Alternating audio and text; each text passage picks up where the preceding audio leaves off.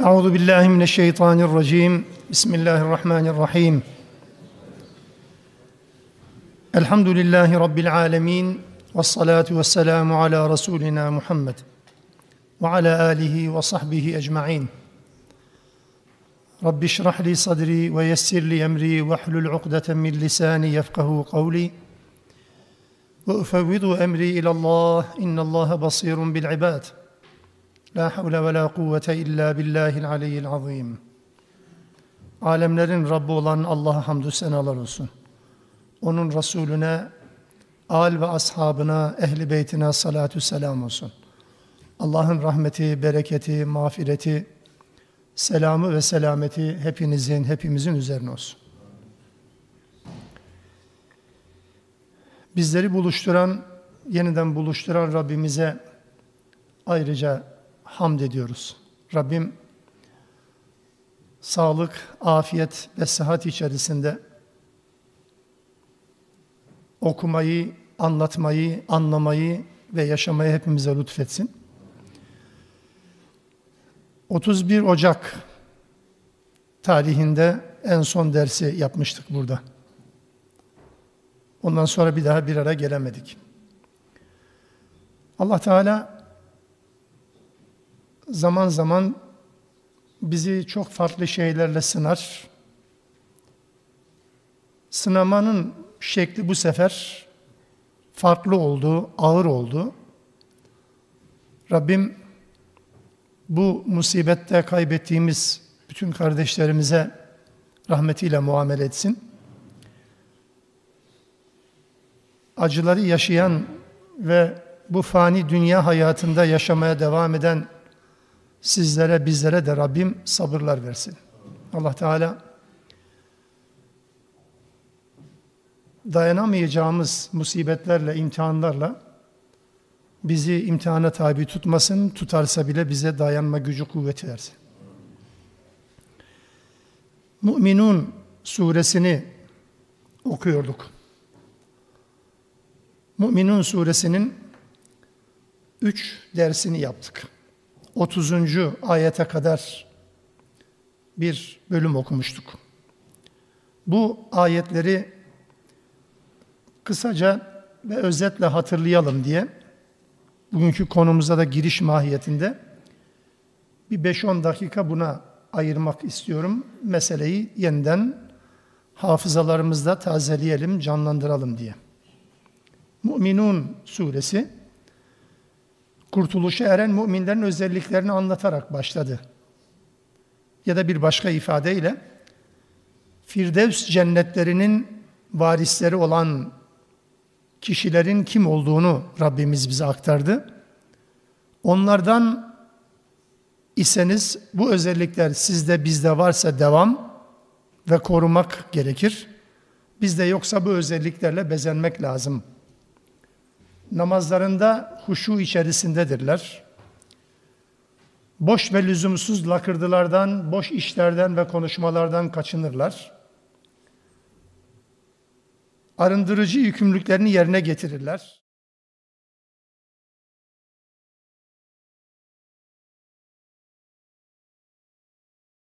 Emanetlerine ve ahitlerine Allah'a karşı olan emanet ve ahitleriyle birlikte kullara, insanlara karşı olan emanet ve riayet eder, korurlar ve namazlarını muhafaza ederler. Bu özellikler cennet, Firdevs cennetlerinin varislerinin özellikleri. Allah Teala bizi bunlarla birlikte kılsın. Rabbim cenneti, Firdevs cennetlerini hepimize lütfetsin. Lütfedecek amelleri işlemeyi de hepimize lütfetsin. Sonra insanın yaratılışından söz etti. Bir damla sudan başlayan ve mükemmel bir varlık olarak Allah Teala'nın yeryüzünde şaheseri olarak yaratılan insana dair bir süreci anlattı. Ve sonra dedi ki sizi yaratan Allah bir gün gelecek bu size üflediği ruhu tekrar iptal edecek, öleceksiniz.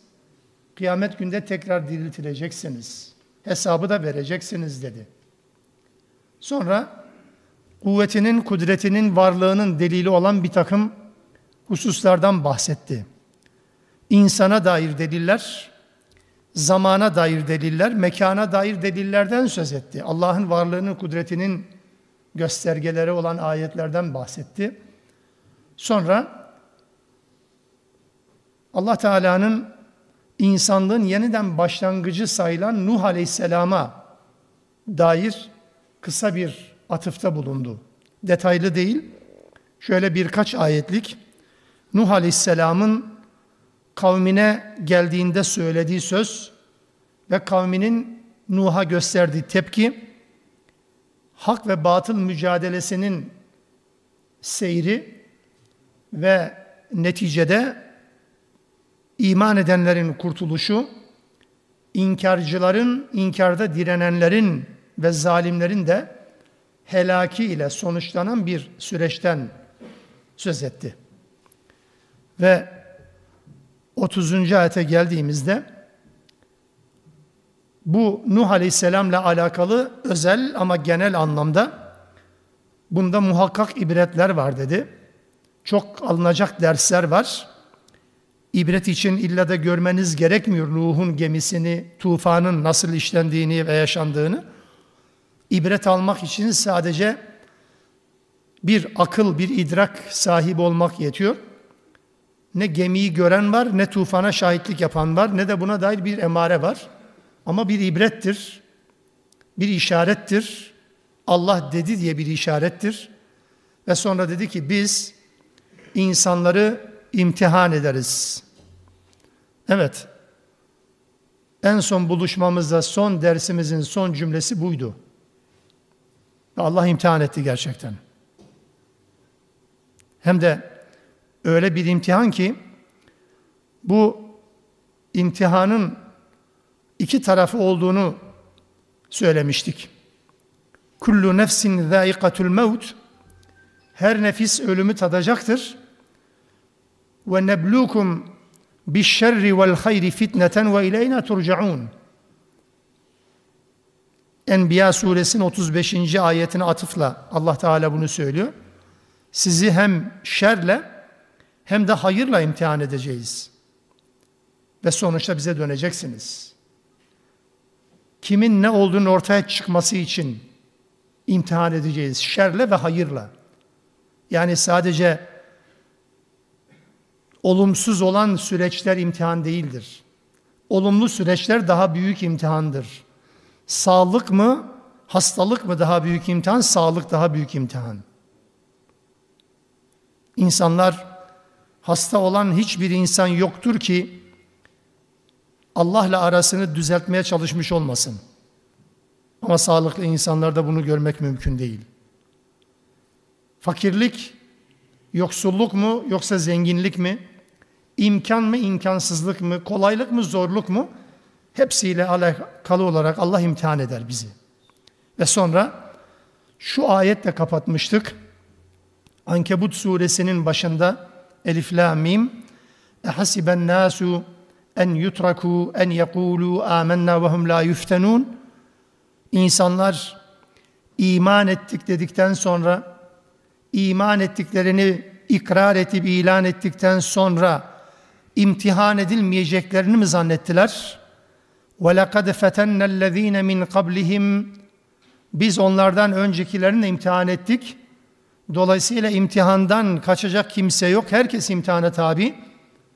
فَلَيَعْلَمَنَّ اللّٰهُ الَّذ۪ينَ صَدَقُوا وَلَيَعْلَمَنَّ الْكَاذِب۪ينَ Ve Allah Teala bu imtihanın neticesinde iki kesimi ortaya çıkaracak.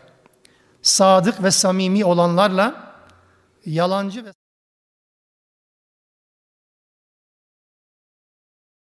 buydu. Ve Allah Teala öyle bir musibetle imtihan etti ki insanların foyası ortaya çıktı.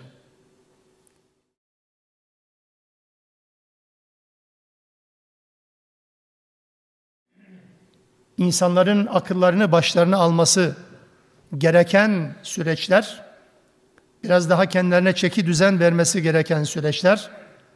Ama insanlar bunu bile ranta çevirebilecek kadar gözü dönmüş olabiliyor. İmtihanı kaybetmenin verdiği acıyla bunu nasıl kazanca dönüştürelim diye çare araması gerekirken hiçbir şey olmamış gibi. Kısacası Allah Teala sadık ve kazip olanları, samimi ve sahtekarları ortaya çıkarmış oldu bu imtihanlarla. Çıkarıyor da. Allah imtihanımızı kolay kılsın.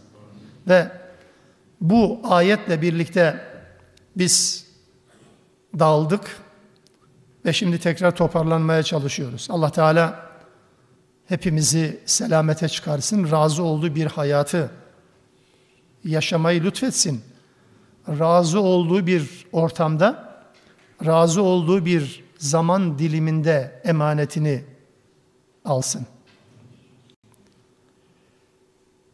Ayet 31 Nur Müminun suresinin. Sümme enşe'na min ba'dihim karnen aherin. Sonra biz Nuh Aleyhisselam'ın kavminden sonra başka kavimleri inşa ettik, oluşturduk, dünyaya getirdik.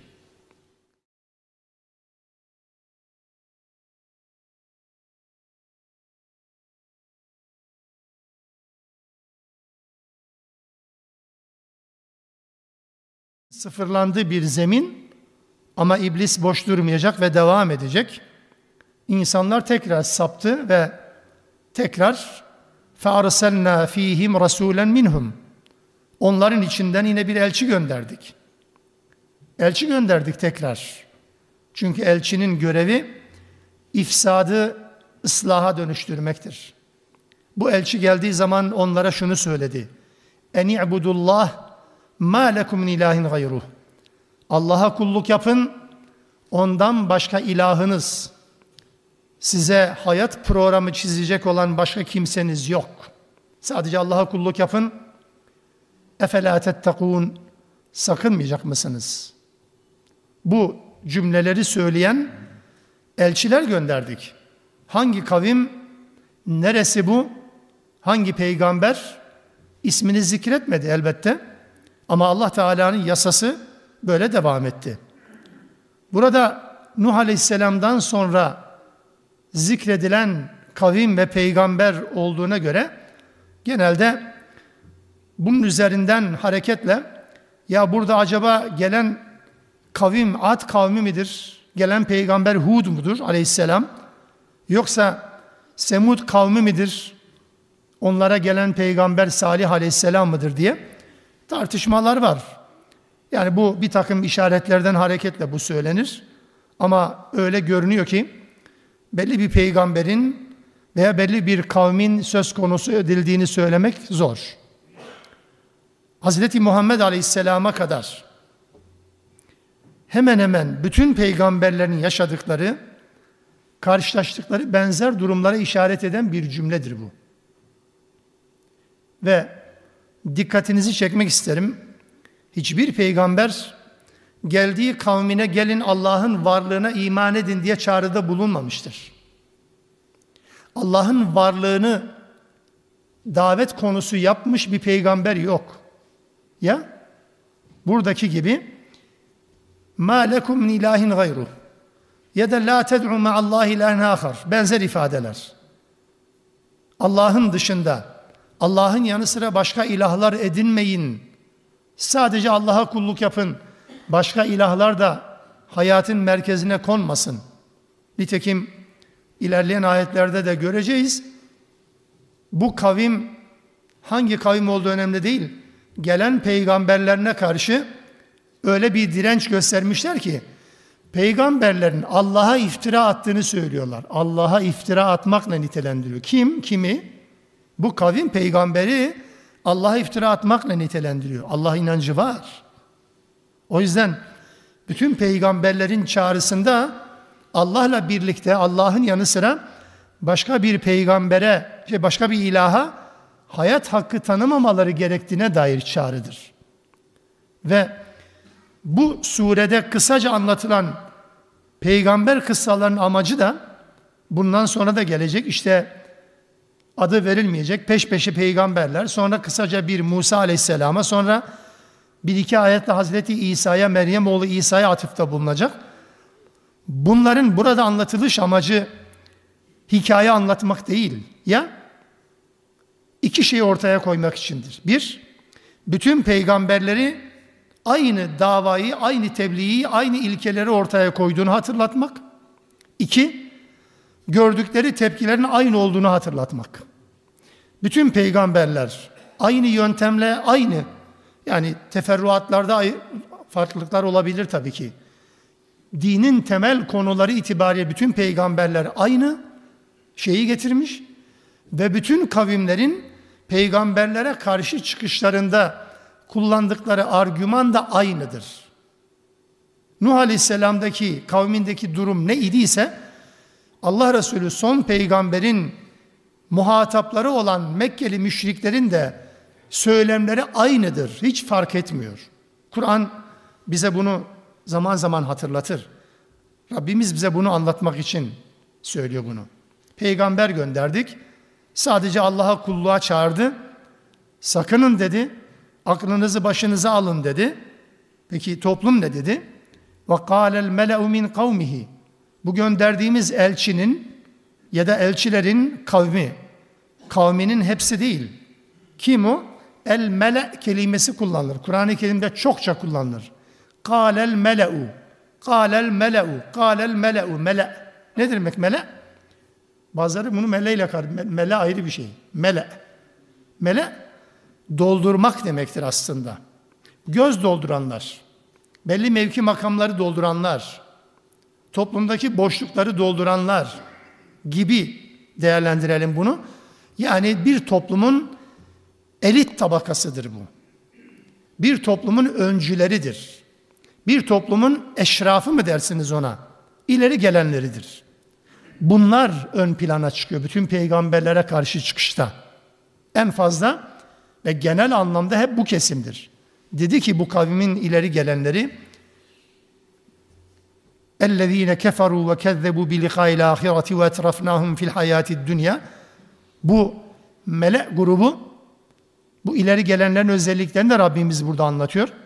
Hem Allah'ı inkar ediyor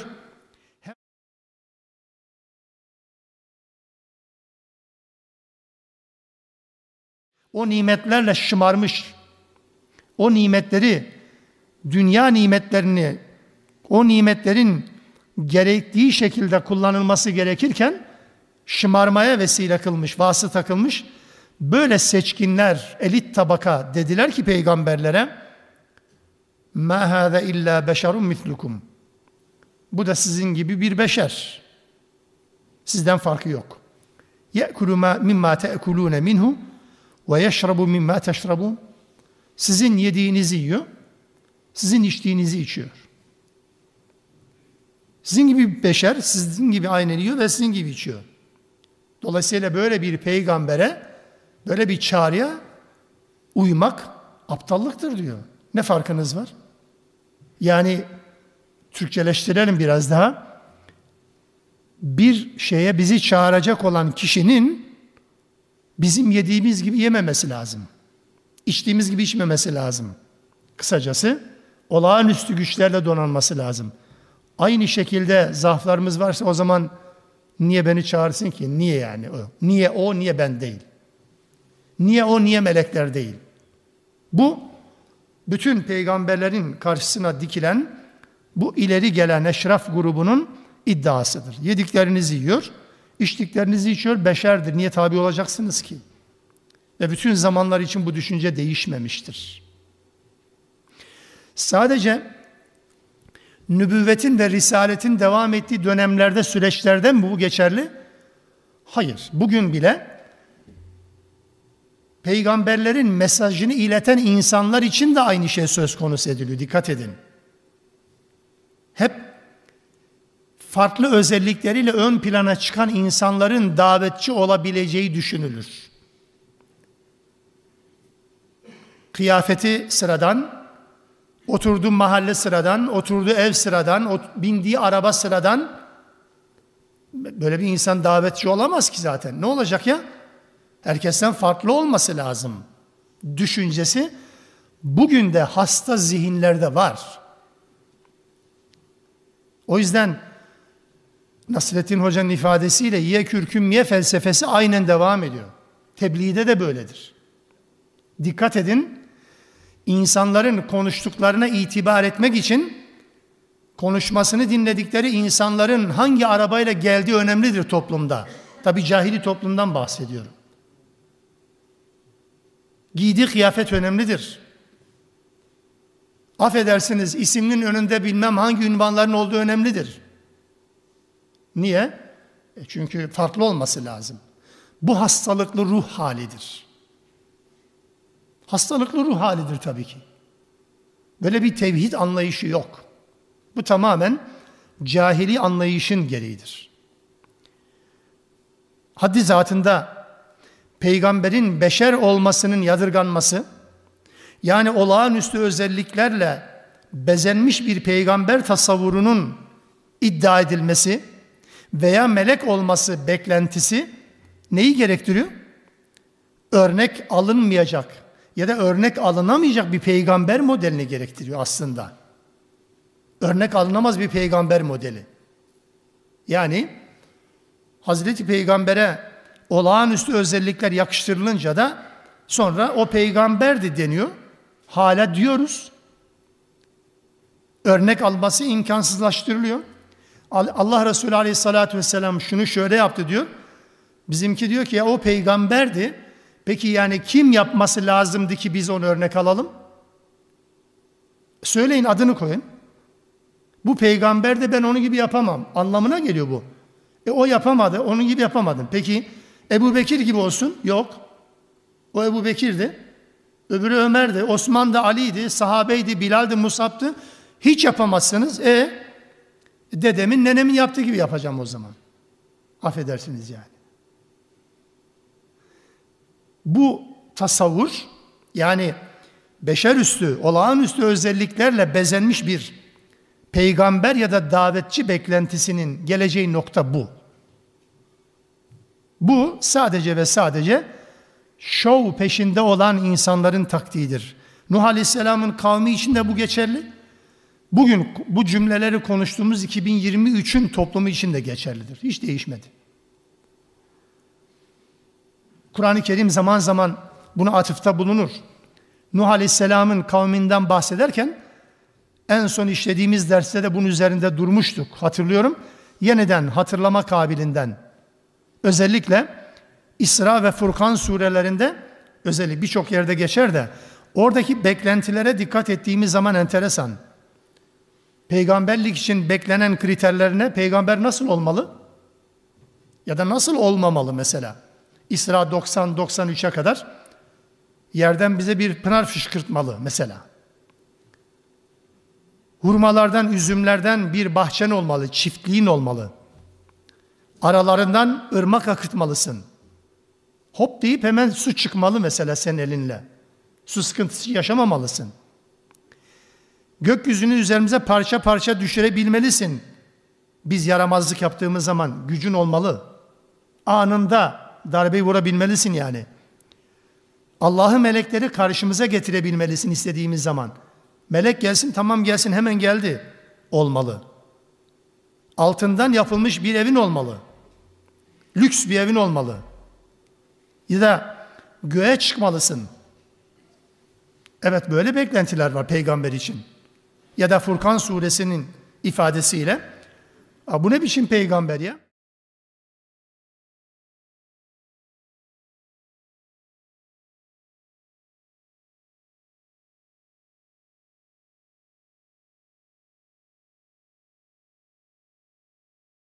tasavvurudur. Peygamber pazarda olmalı. Bu cümlelerin tersinden bu çıkar tabii ki. Davetçi, davetçi halkın arasında olmalı. Fil dişi kulelerde olan davetçi olmaz. İlahiyatçı da olmaz, hoca da olmaz. Bu dinin misyonunu üstlenen bir insanın insanların arasında olması lazım. Bitti. Eleştirilen bu çünkü. Ne biçim peygamber ya bizimle birlikte çarşıda pazarda dolaşıyor. Onun da elinde pazar çantası. E ne farkımız var? Olmadı. Kendisiyle birlikte uyarıcı bir melek indirilmesi lazım. Korumaları olacak. Korumasız gezen peygamber mi olur ya? Davetçi mi olur? Ya da hazinesi olması lazım. Yani zengin olması lazım. Fakirden davetçi mi olur? Veya ürününden yiyeceği bir çiftliği bahçesi olması lazım. Bu beklentilerin tamamı evrensel küfrün beklentileridir. Unutmayalım. Burada şu düşünce gelişiyor tabii ki. Yani birisine itibar etmek için serveti olmalı, omuzu ve cebi kalabalık olmalı. Yani titri olmalı, ünvanı olmalı, parası olmalı, zengin olmalı. Din söz konusu olduğunda ise sıra dışı esrarengiz özellikler sahibi olmalı. Herkes gibi olmamalı. Yani ne? Yani nereye varıyoruz? Peygamberlerden mi bahsediyoruz sadece? Allah Teala sadece geçmişe atıfta bulunmuyor ki. Müslümanların da, Müslüman önderlerin de, Müslüman davetçilerin de bu müşrik tasavvurunu haklı çıkarmaya hakları yok. Özellikle söyleyelim. Bunlara haklı çıkarmaya hakları yoktur. Yani bakıldığı zaman bir Müslüman davetçinin tam da bu insanların zannettiği, beklediği efendim bir misyon, bir vizyon biçtiği bir tip olmaya çalışıyorsa bu ciddi bir kayıptır, ciddi bir ziyandır. Oysa din hayatı düzenlemek, hayata çeki düzen vermek için gelen bir şeydir. Birilerinin statü oluşturması için, birilerinin bir tabaka oluşturması için, birilerinin kendi egemenliklerini oluşturması için gelen bir din değildir İslam. Yani tersi mi var? E tersi olduğu için bunu söylüyorum zaten. Yani İslam'ı sadece kendi egemenlik alanını genişleten bir aksesuar olarak, bir aparat olarak, onlar öyle demez ama bir aparat olarak kullanan ve bunu hayatın merkezine koyan İslam sözüm ona Müslüman önderler var çünkü. İslam'a ait olan ve İslam'a ait olduğunu iddia eden bu zatların hepsi de şu olayları bilirler. Allah Resulü Aleyhisselatü Vesselam ashabı içerisinde oturduğu zaman birisi dışarıdan geldiğinde Muhammed Aleyhisselam'ı tanımayan birisi dışarıdan geldiğinde hanginiz Muhammed diye soracak kadar Allah Resulü'nü tanıyamıyordu. Öyle kelle felli, özel bir koltuk, özel bir tefrişat, özel bir koruma. Hayır. Evet defalarca adam duymuş böyle bir davetçiyi geliyor Mekke'ye, Medine'ye. Nerede? İşte şurada gidiyor bakıyor 10 kişi, 20 kişi var. İçeri giriyor aslında belli olması lazım değil mi? Bizimkilerinki belli oluyor çünkü. Gittiğiniz zaman hangi şeyh efendinin, hangi üstadın, hangi bilmem neyin orada oturduğunu belli etmez mi? Anlamaz mısınız? Çocuk bile anlar ya. Ama geliyor diyor ki hanginiz Muhammed? Bu kavmin efendisi, bu kavmin lideri kim? O sırada su dağıtıyor Allah Resulü misafirlerine. Seyyidül kavmi hadimuhum. Bu kavmin efendisi şu anda onlara hizmet edendir diyor. Öyle peygamber mi olur ya? E, bu örnektir tabii ki. Medine'ye hicret ettiği zaman hepiniz Siyer'in bu, bu pasajını bilirsiniz. Ebu Bekir radıyallahu anh ile birlikte Allah Resulü aleyhissalatü vesselam birlikte hicret ettiler en son. İkisi ayrı develer üzerinden Medine'ye gidiyor. Medine'de onları bekleyen, iman eden ama Muhammed Aleyhisselam henüz görmemiş olan insanlar iki kişi geliyor, iki tane bineğin üzerinde bakıyorlar. Ebu Bekir peygamber herhalde diye Ebu Bekir'e koşuyorlar. Ebu Bekir diyor ki ben değilim, budur diyor. İki kişi arasında bile fark edilmiyor. Kim peygamber diye. Çünkü onun arabasının modeli yüksek olması lazım. Değil mi? Onun kıyafeti daha farklı olması lazım. Öyle değil işte. Bu Kur'an'ın peygamberlerin tevhid mücadelesini anlatırken asla ve kat'a sektirmeden anlattığı bir konudur. Onun için her geldiğinde, yeri geldiğinde bunun üzerinde de durmak gerekiyor. Her bir Müslümanın her bir Müslümanla birlikte olma imkanı yok. Bundan bahsetmiyorum. Anlıyorsunuz bunu. O ayrı bir konu. Herkes herkes değil. Ama sahip olduğu o davetçi kimliğini kullanarak kendisini farklı bir yere konumlandırmaya hakkı yok hiçbir Müslümanın. Allah Resulü'nden çok mu daha kıymetli? Niye seninle görüşemiyor insanlar? Cumhurbaşkanı ile görüşmekten daha zor görüşmek. Niye? Herkesin görüşebildiği bir kişilik olmaz ki. Herkes görüşememeli. Tabii ki. E olmadı işte bakın bu. O yüzden de o yüzden de bir ömür boyu bu tür bir çalışmanın bereketi olmaz. En azından din değildir bu. En azından bir ümmet oluşturma amacı asla ve kat'a gerçekleşmez. Kalabalıklar oluşabilir. Kalabalıklar oluşabilir. Ama bu kalabalıkların özgül ağırlığı sıfırdır. Şekilada görüldüğü gibi. Dünyanın maskarası olan evet kitle çok. Sayı çok. Ama dünyanın maskarası haline gelen niye? Ağırlığımız yok ki. Çünkü ümmet yetiştirme derdi yok. Ya cemaat yetiştirme derdimiz, adam yetiştirme derdimiz, efendim bizim ekipten, bizim cemaatten, bizim tarikattan sonra e, sonra böyle oluyor tabii ki. Firavun'un sistemi de bu değil mi? Herkesini parça parça etti. Her birini güçten düşürdü. Herkes kendi derdiyle uğraşıyor. Arkasından bir araya gelme imkanımız yok. 3 milyon, 4 milyon, 5 milyon insan hacda bir araya geliyor. Ben ilk defa hacda bunu keşfettim. Yani bunu itiraf etmek durumundayım. Acı verse de, acı verse de itiraf etmek durumundayım. Hacda benim aklıma bu geldi ve birkaç yerde de söyledim, söylüyorum. Müslümanların durumuna baktım. 5 milyon insan, yıllık kongre, Allah Resulü'nün hac esprisi bu. Fakat şu kadarcık dünyaya gözdağı veren bir özelliği oldu mu? Sıfır. Niye? Çünkü herkes kendi kampını kurmuş. Milli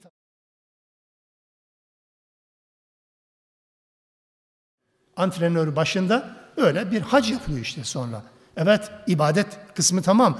Fakat bu ibadetin neden orada aynı günde aynı saatte bulunması gerektiğin esprisi neydi? Yok. Sonra kendi kendime şu cümleyi kullandım ve kararı verdim. Dünyanın Müslümanlardan korkmasına hiç gerek yok. Bu kafa yapısıyla. Korkulacak Müslümanlar kim? İşte bir avuç Gazze'de sıkıştırılan Müslümanlar. Bütün dünyanın korkulu rüyası. Kaç kişi? Ümmetin kaçta kaçına tekabül ediyor? Yok işte yani. Neden? Çünkü ümmet yetiştirme derdi yok. Dert olsaydı Kur'an'ın ortaya koyduğu bu tevhid mücadelesinin temel ilkelerini aynen uygulamaya korlardı. Bugün işte bu anlamda kendilerine gizemli, olağanüstü özellikler oluşturan insanların böyle bir propaganda yapmalarının nedeni de bu. İnsanlar üzerinde kendi egemenliklerini kurmak. Kuruluyor mu? Hem de nasıl? Ya gidince konuşulmaz yanında. Hatta görüşülmez. Herkes görüşemez ki. Niye? Kendi egemenliklerini kuruyor. İslam adına ne var ortada? Sadece kendini tatmin aracı. Kusura bakmayın. Bu Müslüman olarak bir öz eleştiridir. Bu Nuh Aleyhisselam'la başlayan kıyamete kadar da devam edecek olan bir saplantı. Bunlara karşı Allah diyor mesela melek gönderseydik. Hadi insan gönderme, olağanüstü güç bir melek gönderdik. E meleği örnek alma imkanınız yok be. Aynı cümle onun için kullanacaksınız ya. Biz nasıl buna tabi olacağız? Bu melek, biz insan. Bunun için zaman, mekan mefhumu yok. Bizim için zaman, mekan, mefhumu sınırlı. Nasıl tabi olacağız derdiniz? Ha bir de artı melek göndersek biz insan suretinde melek göndereceğiz. Ya Allah Resulü Aleyhisselatü Vesselam aralarında 40 yıl kaldı. 40 yıl tanıdılar. 41. yılda peygamber oldu. Emin vasfına sahipti peygamber olmadan önce. Buna rağmen inkar ettiler, yalanladılar. E tanımadıkları birisi geldiği zaman ne yapacaktı belli zaten. Tanıdıkları biri böyleyse. Dolayısıyla bunlar evet tamamen bir saplantı ve bu mücadelenin aslında nasıl akamete uğratıldığının ya da insanların neden inkar ettiğinin, neden kaypaklaştığının da nedenleridir aslında. Örnek alınacak peygamber ve de o peygamberin takipçisi olan davetçi hayatın içinde olmalı. Herkes gibi sıkıntı ve zorluk yaşayabilmeli. Bir eli yağda bir eli balda bir peygamber tasavvuru yoktu.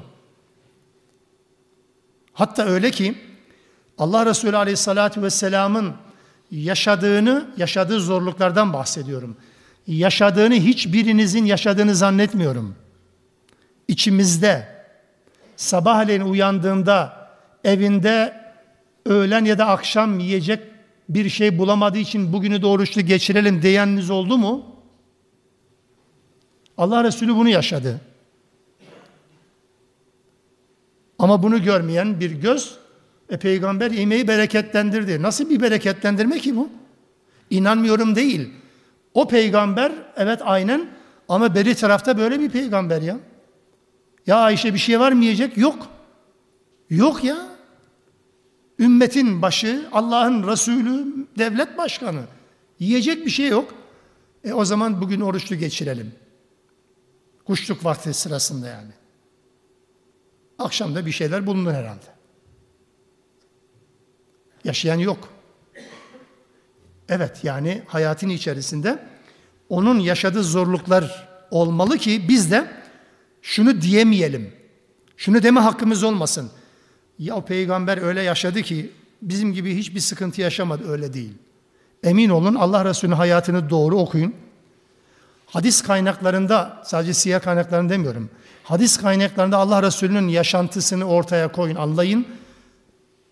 Çoğumuzun hayatta yaşamadığı, yaşamayı bile düşünemediği, aklına bile gelmeyen zorlukları peygamber yaşamıştır.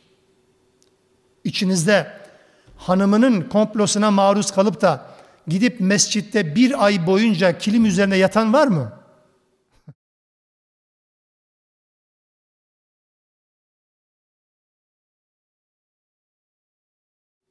Yok yani. Onun için hayatın içinde zorlukları istediği gibi ortadan kaldıran bir şey olmamalı. Olmamalı. Peygamber zorluk bazen geldi Allah Teala yürü dedi. Öyle bazen geldi ki yenilginin tam merkezindeydi Uhud Savaşı'nda, Huneyn Savaşı'ndaki gibi. Yeryüzü bütün genişliğine rağmen size dar geldi. Darmadağın oldunuz. Sonra Allah görünmeyen ordularla destekledi. Mağlubiyetin içerisinden çekip aldı. Uhud'da da seçkin sahabeden 70 küsür kişi şehit oldu. Komutanı peygamber olan bir ordu. Hadi buyurun. Fetih suresini okumak aklına gelmemiş.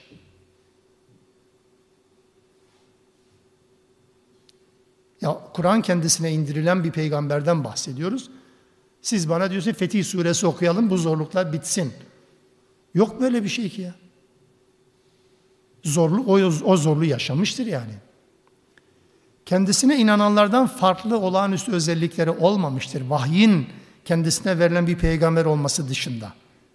Kendisine vahyedilen insan olması dışında beşer özellikleri olarak aklınıza ne gelirse, hatta aklınıza gelmeyen zorlukları yaşadığını göreceksin bir peygamberin.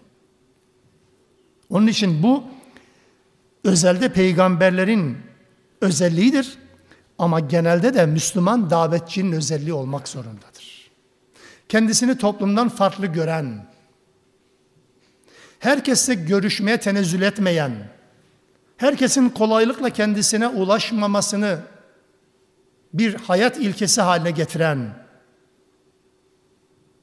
ya da birilerine böyle bir rol biçen bir Müslüman sağlıklı bir inanca sahip değildir. Kesinlikle. Kim olursa olsun. Efendim ağzıyla kuş tutuyormuş, denizde yürüyormuş, havada uçuyormuş. Hepsi fasafisödür. Evet. Sonra birbirlerini diyorlar tekrar. Bu kim bunlar? Ümmetin ya da kavmin seçkinleri. وَلَيْنَ طَعْتُمْ بَشَرًا مِثْلَكُمْ Eğer siz sizin gibi bir insana, beşere tabi olursanız, itaat ederseniz, dinlerseniz innekum iden lehasirun. Kesinlikle kaybedenlerden olursunuz. Husrana erenlerden olursunuz. Bu 33-34. ayet, peş peşe olan bu iki ayetteki konuşmalar, diyaloglar yani şunu yapmayın buna tabi olmayın diye. Bu konuşmalar aslında ileri gelenlerin birbirlerine olan tavsiyelerinden ziyade sanki birbirine tavsiye ediyor öyle değil. Bundan ziyade sanki şöyle gibi anlamak daha doğru gibi. Bütün peygamber kavimlerinde benzer özellik olduğu için bunu söylüyorum. Bunlar birbirlerine bunu tavsiye ediyor değil seçkinler ya. Alandan birileri bu mesajı kabul etmeye niyetlendi, yeltendi, meyletti. Altlarındaki zemin kayıyor. Yani avam tabaka, onların tepeden baktığı bir kesim var ya, onlar gittikçe yanaşıyor bu mesaja. Onlara diyorlar. Yapmayın bunlara tabi olursanız sizin gibi bir insan ya. Onları kandırmaya çalışıyor, atlatmaya çalışıyorlar. Tabi olursanız bunların peşinden giderseniz kaybedersiniz diyor. Aslında kaybedersiniz dedikleri kesim kendileridir de bunu onlar üzerinden pazarlamaya çalışıyorlar. Yapmayın diyorlar. Bu kendileri gibi beşer bir peygambere tabi olmayı husran nedeni sayıyor bunlar. Tabi olursanız kaybedersiniz diyor. Ama birer insan olarak da kendilerine tabi olmaya çağırıyorlar. Başka da bir kimseye çağırmıyor. İlla bana gelin diyorlar. Niye? Peygambere tabi olurken tabi olmayın kaybedersiniz. Ama kendilerine kendilerine işaret bana tabi olun diyor. Kendi kişiliklerini ön plana çıkarıyorlar. Çelişki değil mi bu? Dolayısıyla iktidarlarını, egemenliklerini kaybetme korkusu onları böyle bir tedbir almaya itiyor ve onları kandırmaya çalışıyorlar. Aynı yönteme bakın. Bugün çağdaş zalimler de Müslümanlar için aynı şeyi söylüyor. Dikkat edin. Yani bu peygambere tabi olursanız kaybedersiniz cümlesinin bir benzeri. Bakın yönetimi Müslümanlara verirseniz ülke kaybeder. Ülke karanlıklara gömülür. Ortaçak karanlığına gider. Bu söylem ne kadar ilkel bir söylemiş. 2023'ün söylemi değilmiş meğer bu. Nuh kavminde de bu söylendi. Ad kavminde de bu söylendi. Ve şu anda da bu söylenir. Niye bunu söylüyor? Çünkü Müslümanca bir yönetim adaletsizlik yapmaya, insanları sömürmeye engel olacak. Egemenliklerini tartışır hale gelecek de onun için.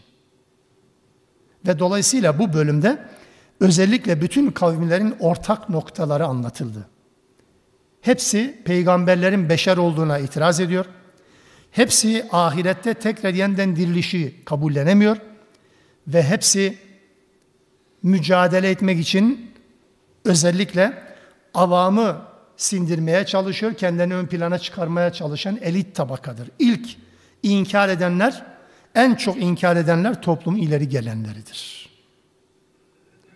Yaşadığımız toplumda da aynı öyle değil mi? Yıllarca 28 Şubat dönemi de dahil olmak üzere bu tip süreçleri yaşadığımız dönemlerde dikkatimizi çekiyor da. Kim en fazla ses çıkarıyor? Cebi kalabalık olanlar, omuzu kalabalık olanlar hep ön planda. Niye?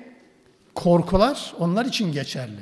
Çünkü en fazla etkilenecek, en fazla prestijleri çizilecek, en fazla kaybetme oranına sahip olan kişiler onlar. İstemiyorlar. Dolayısıyla Allah Teala tevhid mücadelesini bize bu şekilde anlatır. Sonra devam ediyor bu konuşmalar. اَيَعِدُكُمْ اَنَّكُمْ اِذَا مِتْتُمْ وَكُنْتُمْ تُرَابًا وَعِذَامًا اَنَّكُمْ مُخْرَجُونَ bu peygamber, bu sizi davet eden kişi öldüğünüz zaman toprağa karışıp kemik yığını, toz yığını haline geldiğiniz zaman tekrar diriltilmekle mi sizi tehdit ediyor? Diriltileceksiniz diye tehdit mi ediyor? Heyhate heyhate lima tuadun. Bu tehdit gerçekten tehdit edildiğiniz şey ne kadar da uzak bir şey. Olma ihtimali sıfır, mümkün değil. Hiç görmedik ki. Gidip gelen var mı? Yok diyor mesela. Çok uzak bir tehdit, çok uzak bir ihtimal. Şimdi yeniden dirileceksiniz. Demek niye rahatsız ediyor bunları? Mesela bir insan diyebilir ki tamam ben de umurumda değil. Niye rahatsız oluyor insanlar? Yeniden diriltileceksiniz, hesap vereceksiniz dediğiniz zaman insanlar rahatsız oluyor. E inanmıyorsun zaten ben inanmıyorum diyebilir. Yok. Onun söylenmesi bile onu rahatsız eder. Çünkü rahatı ve konforu bozuyor. Böyle bir cümle bu kulaktan girdiği zaman bile bakın inkarcı bir kulak olsa bile öbür taraftan çıkmıyor. Bir insana söylenecek en etkili söz öleceksin ve diriltileceksin tekrar. İstediğiniz kadar muhatabınız ölüme inanma, öldükten sonrası inanmasın. Ölüme inanmak için Müslüman olmaya gerek yok da. Herkes öleceğini bilir. Budist, müşrik, Yahudi, Hristiyan, putperest, mecus hepsi bilir. Öleceksin, öleceksin herkes bunu bilir ve tekrar diriltilip hesaba çekileceksin. İnsanın konforunu bozacak olan bundan daha etkili bir cümle yok. Bir dönem bu İstanbul Zincirli Kuyu Mezarlığı çokça meşhurdur. Zincirli Kuyu Mezarlığı. Mezarlığın girişine hani kullu nefsin zâikatul mevt Arapça bir yazı olsa herkes anlamaz. Bilenler bilir. Her nefis ölümü tadacaktır. Birisi demiş ki bunun altına Türkçesini yazalım ki anlamlı olsun. Bir de büyük puntolarla tam yolun karşısından araçların geçtiği yani insanların mutlaka uğradığı bir güzergah ve o kocaman bir billboard gibi her nefis ölümü tadacaktır. Cümlesini yazmış. O hafta içerisinde gazete köşe yazarları, kimileri yani, kimi siyasiler bu yazılan cümleyle alakalı yazılar yazdılar. Google Hazretlerine sorarsanız hepsini çıkarır bunlar. O dönemde bir milletvekili çok sinir bozucu bir şey diyor bu cümleye.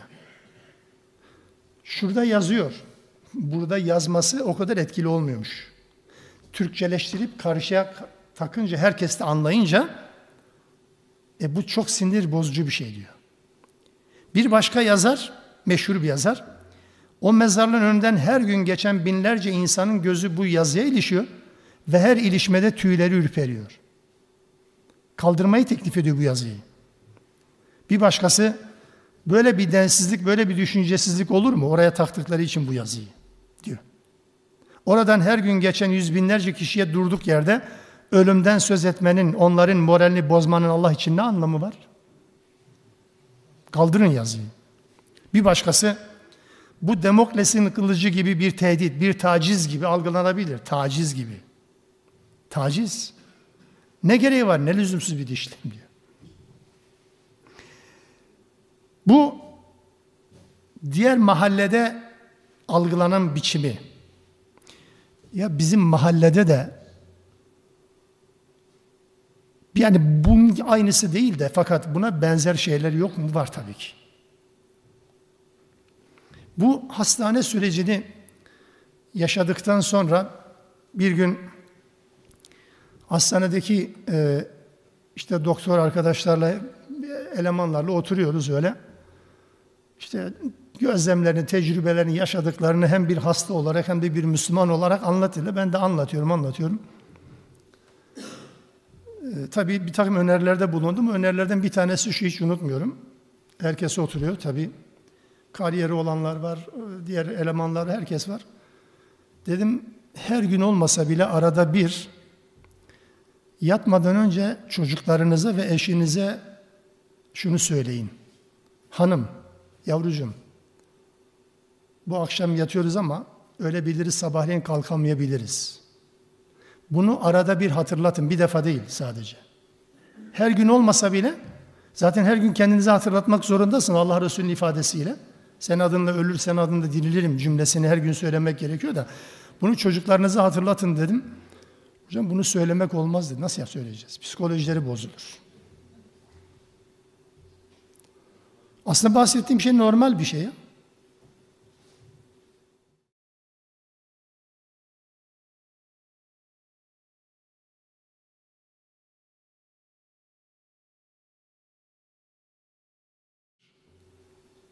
E böyleydi zaten. O yüzden zaten ölüm hatırlanmazsa, ölüm hatırlatılmazsa insanlar hayatı pervasız kullanıyor.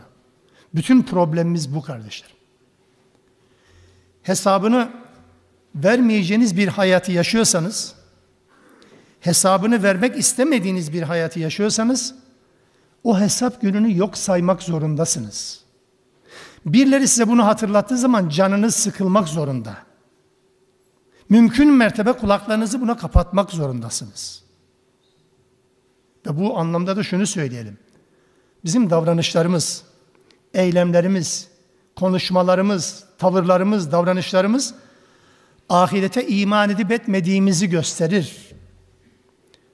Ahirete iman ettiğimizi söyleyebiliriz. Bu ayrı bir konu bakın Ahirete iman ettiğini söylemek, ahirete iman etmek demek değildir. وَمِنَ النَّاسِ مَنْ يَقُولُ آمَنَّا بِاللّٰهِ وَبِالْيَوْمِ الْآخِرِ وَمَا هُمْ بِمُؤْمِنِينَ İnsanlardan kimileri var, Allah'a ve ahirete iman ettik derler. وَمَا هُمْ بِمُؤْمِنِينَ Onlar mümin değildir. Bu cümleyi biz söylemeyelim, Allah söylüyor. Bizim söyleme hakkımız yok. Allah diyor ki bu ahirete iman ettik. Allah'a iman ettik. Mümin değil bunlar kimileri. Niye? Çünkü ahirete iman etmek gerekir. Ettiğini söylemek değil. Nasıl gerekir peki? Hayat bu bunun göstergesidir. Bir insan yaftalayalım diye söylemeyeceğim bakın. Bakın bir insan, bir Müslüman insan bir haramı sürekli işliyorsa o insanın ahiret inancı yoktur. Ahirete inansa o haramı sürekli işleyemez. Bakın bir günah işlemekten bahsetmiyorum. Bir Müslüman günah işler, istiğfar eder, aklına gelir, birisi aklına düşürür, hatırlatır, uyarır, tövbe eder, döner. Bu müttakinin özelliğidir. Günah işlemeyen müttaki değil. Öyle bir müttakiden bahsetmiyor Allah Teala. Günah işlemekten bahsetmiyorum bir günahı hayat tarzı haline getirmiş. Bugün var, yarın var, ertesi ay var, bir sonraki sene var. Var da var. E bu adam ahirete iman mı ediyor? İman ettiğini söylüyor sadece. Ben bunu mümin olarak görürüm ama bu insanın kıyamette cehennemin ortasında olduğunu gördüğünüz zaman şok geçirmeyin. Ma selekakum fi sakar denilen acaba bunlar mı? Ya cehennemde ne işiniz var sizin diyor. Müddeffir suresinde. Cehenneme düşüren ne sizi? Niye bunu soruyor ki? Cehenneme girene niye sorulmaz ki? Zaten cehenneme gireceği belli. Netanyahu'nun cehennemin dibinde görülmesi sırasında diyecek miyiz? Ya burada ne işiniz var? O cehenneme girmeyecekse kim girecek yani? Bunu sormuyor ya. Cehenneme girmemesi gereken orada. Ma selekakum fi sakar. Niye cehennemdesiniz diyor. Arkasına sayıyor. Şunu yapmazdık, bunu yapardık, bunu yapar gibi görünürdük. Evet. Davranışlarımız ahiret inancımızın göstergesidir kim ne derse desin. Bir insan bir farzı sürekli terk ediyorsa bu buna inanmıyor demektir. Bir insan bir haramı işliyorsa bütün uyarılarına rağmen faizden vazgeçemiyor, yalandan vazgeçemiyor, sahtekarlıktan vazgeçemiyor, kandırmaktan vazgeçemiyor. Bunu yapıyorsa bu insan ahirete inandığını söylemiş olabilir ama ve mahum bi müminin. Bunlar mümin değil diyor Allah Teala. Onun için ahiret bizim hayatımıza, davranışlarımıza ve konuşmalarımıza yansır. Allah Resulü ifadesiyle birini gördüğünüz zaman size ne hatırlatır? Allah'ı ahireti mi yoksa başka şeyleri mi? İşte oyuz biz. Neyi hatırlatıyorsa kimliğimiz o. Ve devam ediyor. İnhi illa hayatuna dünya nemutu ve nahya. Bu sadece dünya hayattan başka bir şey değil. Bu hayattan başka bir hayat yok. Ölürüz ve diriliriz. Birileri ölür, birileri dirilir. وَمَا نَحْنُ بِمَبْعُث۪ينَ Ve biz diriltilecek de değiliz. İn huve illa racul iftara alallahi keziben ve ma nahnu lehu bimü'minin. Ve biz bu adama iman etmeyiz çünkü bu adam yani davetçi peygamber Allah'a iftira atıyor. Cümleye bak dikkat ettiniz mi? Allah'a iftira atıyor diyor. Allah'ın hakkını savunuyor görünüyor bu müşrik mantık. Bak bu Allah inkar etmiyor. Allah'a iftira atan bu insana karşı diyor biz duracağız ve iman etmeyeceğiz. Dolayısıyla burada bu kavmin Allah'a Allah'ın varlığına iman eden bu kavmin aslında durduğu noktayı, durduğu pozisyonu da göstermesi bakımından önemli. Tabi bu direniş böyle devam etti ve bu peygamber kim olduğu önemli değil. Bütün peygamberler benzer cümleleri kullanmış. Kale Rabbin surni bima kezzebun. Rabbim bunların beni yalanlamalarına karşı bana yardım etti. Aynen Nuh da bu cümleyi kullanmıştı. Nuh Aleyhisselam da aynı cümleyi kullandı 26. ayet-i kerimede. Aynı cümle. Rabbim onların beni yalanlamalarına karşı bana yardım et. Peygamberlerin herkesi etkileyecek istedikleri zaman onlara azap indirecek bir gücü yok. Azabın şeklini de, azabın zamanında da belirleme imkanı yok. Bunun farkında olmayan insanlar da azabı peygamberden istiyor. İster hadi gö tepeyi, yani dağı ya da işte gökyüzünün tepemize indir, helaki indir, azabı indir. E ben beşerim, ben azap indirecek gücüm yok diyor. Peygamberler bu güce sahip değil. Bu güce sahip olduğunu zanneden insanlar peygamberle Allah'ı karıştırıyor demektir. Tabi tabi peygamber Allah'a karıştırıyor. Tıpkı bugün birilerinin birilerini Allah'la karıştırdığı gibi. Kurtar bizi Allah'ım diyeceğine medet falan demenin esprisi aynıdır. Çünkü kurtarıcı olarak onu görüyor. Oysa peygamber bile benim elimde değil bu diyor. Sonra ne oldu? Peygamber böyle dua eder de duası yerde kalır mı? Kale amma qalilin yusbihunna nadimin. Yakın zamanda mutlaka pişman olacaksınız. Olacaklar. فَاَخَذَتُمُ الصَّيْحَةُ بِالْحَقِّ derken müthiş bir ses. Ses. Ses helak eder mi? Evet, ses ile Allah onları helak etti. فَجَعَلْنَاهُمْ غُثَاءً Onları bu ses neye çevirdi biliyor musunuz? Selin süpürdüğü çer çöp gibi var ya köpük gibi. Bomboş, hiçbir şey yaramayan bir hale getirdi. Vusa bu demektir. Febu'den lil kavmiz zalimin. Zalimler topluluğu Allah'ın rahmetinden uzak olsun. Lanet onların üzerine olsun dedi Allah Teala. Bir toplumu helak etmek için Allah'ın çok fazla fazla tırnak içinde masrafa girmesine gerek yok. Çok fazla plan program yapmasına gerek yok. Bir sayhayla bir toplum helak edilir mi? Hem de nasıl? Birkaç saniye ile koca bir coğrafya darmadağın edilir mi? Ediliyor işte insanlar bunu bir kafir de bunu anlıyor.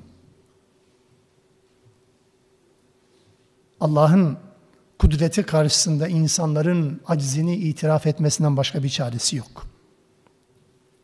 Rabbim muhafaza eylesin. Ama Allah Teala geçmişten bahsederken bugüne ve geleceğe de bir ışık tutuyor ve aklınızı başınıza alın. Bir peygamber yok ama peygamberin mesajı var. Bu peygamber olsaydı size aynısını söyleyecekti. Aynısını aktaracaktı. Siz inkar ettiğiniz zaman geçmişte inkar edenlerin başına ne geldiyse aynı sizi de beklemektedir. Hem müjde tarafı hem tehdit tarafı. Allah Teala.